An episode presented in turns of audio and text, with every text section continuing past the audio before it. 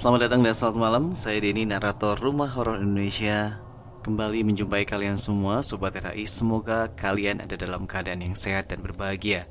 Pada malam hari ini kita akan melanjutkan cerita dari penulis berinisial AG jadi pada episode ke-188 ini melanjutkan cerita dari episode 187 di mana penulis AG ini meskipun tidak mau disebut sebagai indigo dengan kriterianya sendiri namun dia begitu banyak mengalami hal-hal supranatural. Nah kalau pada episode yang lalu kita sudah cerita mengenai dia masa kecil sampai SMP Sekarang kita lanjutkan di masa SMA-nya Begini ceritanya Saat SMA, saya mulai mengerti bahwa saya ini sedikit sial saya mulai mengabaikan setiap kali bertemu mereka. Apakah bisa? Tidak. Bagaimana bisa saya mengabaikan mereka? Setiap mereka muncul, saya gemetar ketakutan. Pernah saya lihat ceceran rambut di seluruh ruang laboratorium kimia. Pernah saya lihat anak kecil laki-laki yang tidur di ruangan musik. Pernah saya lihat perempuan yang duduk di atas tiang basket. Itu loh, tempat keranjang bola basket yang setinggi itu. Perempuan tersebut ongkang-ongkang kaki di sana. Tidak mengganggu atau melakukan apa pun. Tapi saya sudah down hanya dengan melihat mereka muncul. Saya tidak setiap hari melihat mereka. Hanya sekali. Tapi itu benar-benar serasa senam jantung. Yang paling berkesan adalah seorang kakek tua yang selalu menyapu di bawah pohon jambu air di belakang kelas saya. Jadi ada satu pohon jambu air yang sudah besar di belakang kelas 11 IPS. Saat musim buah, buahnya banyak sekali.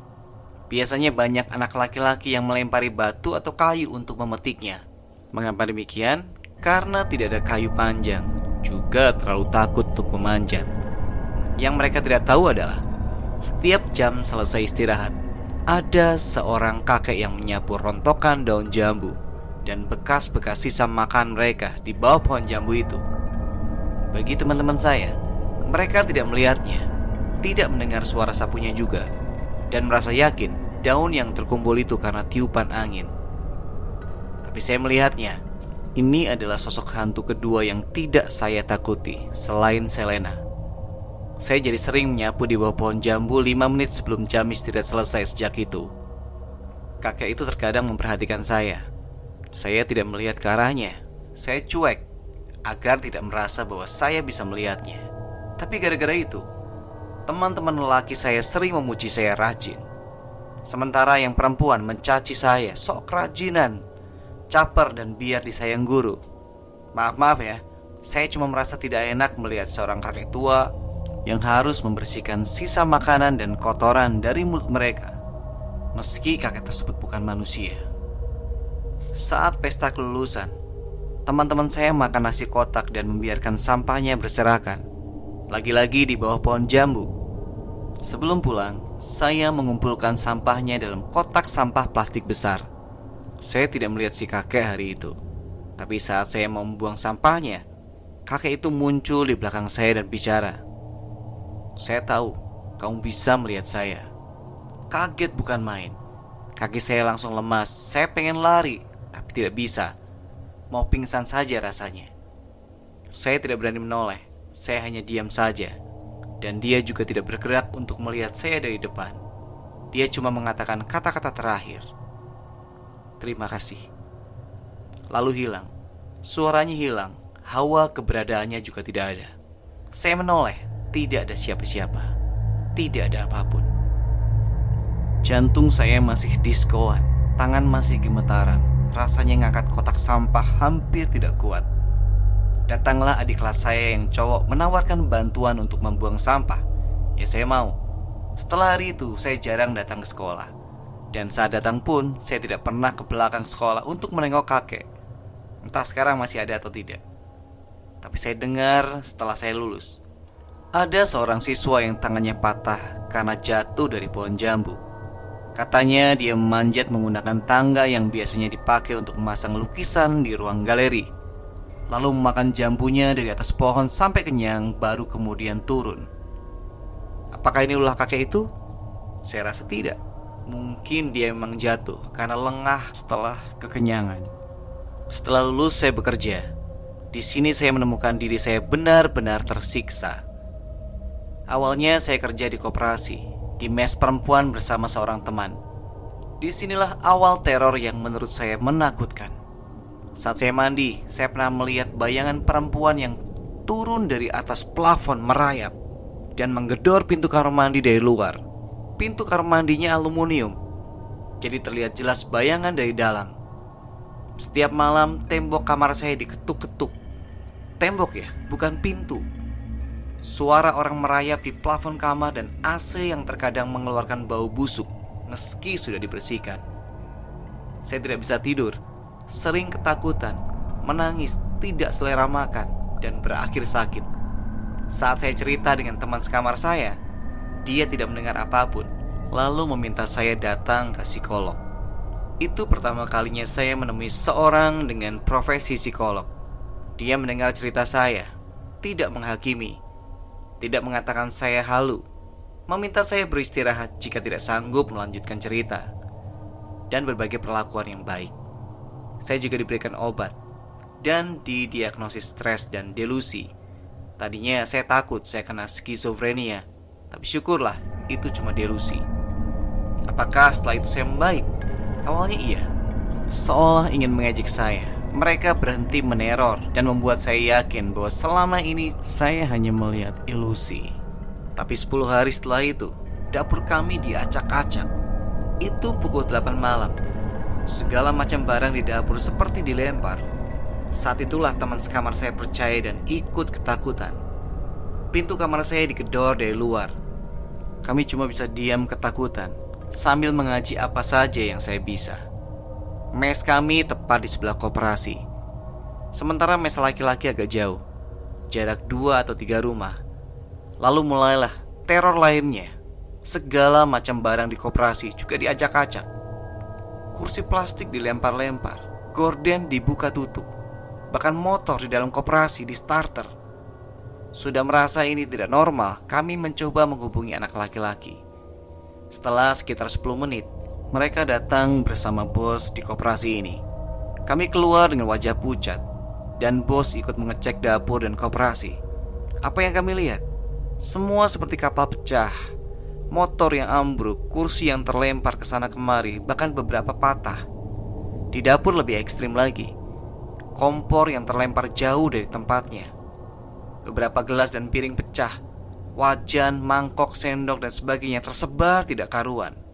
Malam itu kami menginap di rumah Mbak Kasir. Mbak Kasir di koperasi sudah berkeluarga. Kami tidur di ruang tamu bersama dengan dia dan anaknya. Suaminya membantu beres-beres di koperasi. Paginya saya langsung resign dan menumpang di kosan teman sekampung saya sebelum mencari pekerjaan baru. Setelah itu saya mendapatkan pekerjaan di sebuah pabrik. Saya menggunakan uang gaji saya sebelumnya untuk mencari kontrakan.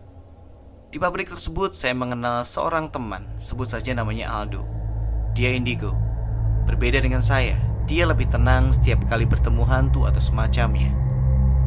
Saya pernah melihat seorang ibu-ibu yang berjalan mondar-mandir di jalan raya depan pabrik tempat saya bekerja. Apakah dia gila? Enggak, teman-teman. Ibu tersebut tidak memutar badannya saat berbalik, tapi memutar kepalanya. Ngerti burung hantu? Nah, persis seperti itu. Saya yang ingin melupakan masa suram saya di koperasi sekali lagi ketakutan. Ibu itu benar-benar menyeramkan di mata saya. Bayangkan, dia berjalan 10 meter, terus balik lagi. Tapi pas putar balik, bukan badannya yang muter, tapi kepalanya. Dan begitu terus, padahal sebelumnya tidak ada. Saat saya ketakutan, si Aldo ini muncul dari belakang dan turun dari sepeda motornya. Dia menuntun sepeda motornya lalu bicara. Abaikan aja. Dia kadang memang suka di sana. Saya akhirnya pergi rukiah ditemani Aldo. Itu adalah sebuah pesantren kecil yang nyaman sekali. Saya di rukiah seorang ustadz dibantu beberapa santri dan santriwati.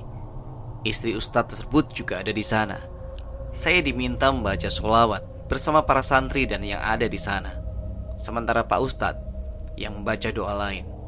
Lalu tiba-tiba saya mendengar seperti batu yang dilemparkan di atap rumah yang kami pakai untuk rukyah sebanyak dua kali. Pak Ustadz membaca sesuatu, memegang kepala saya dan saya pun pingsan.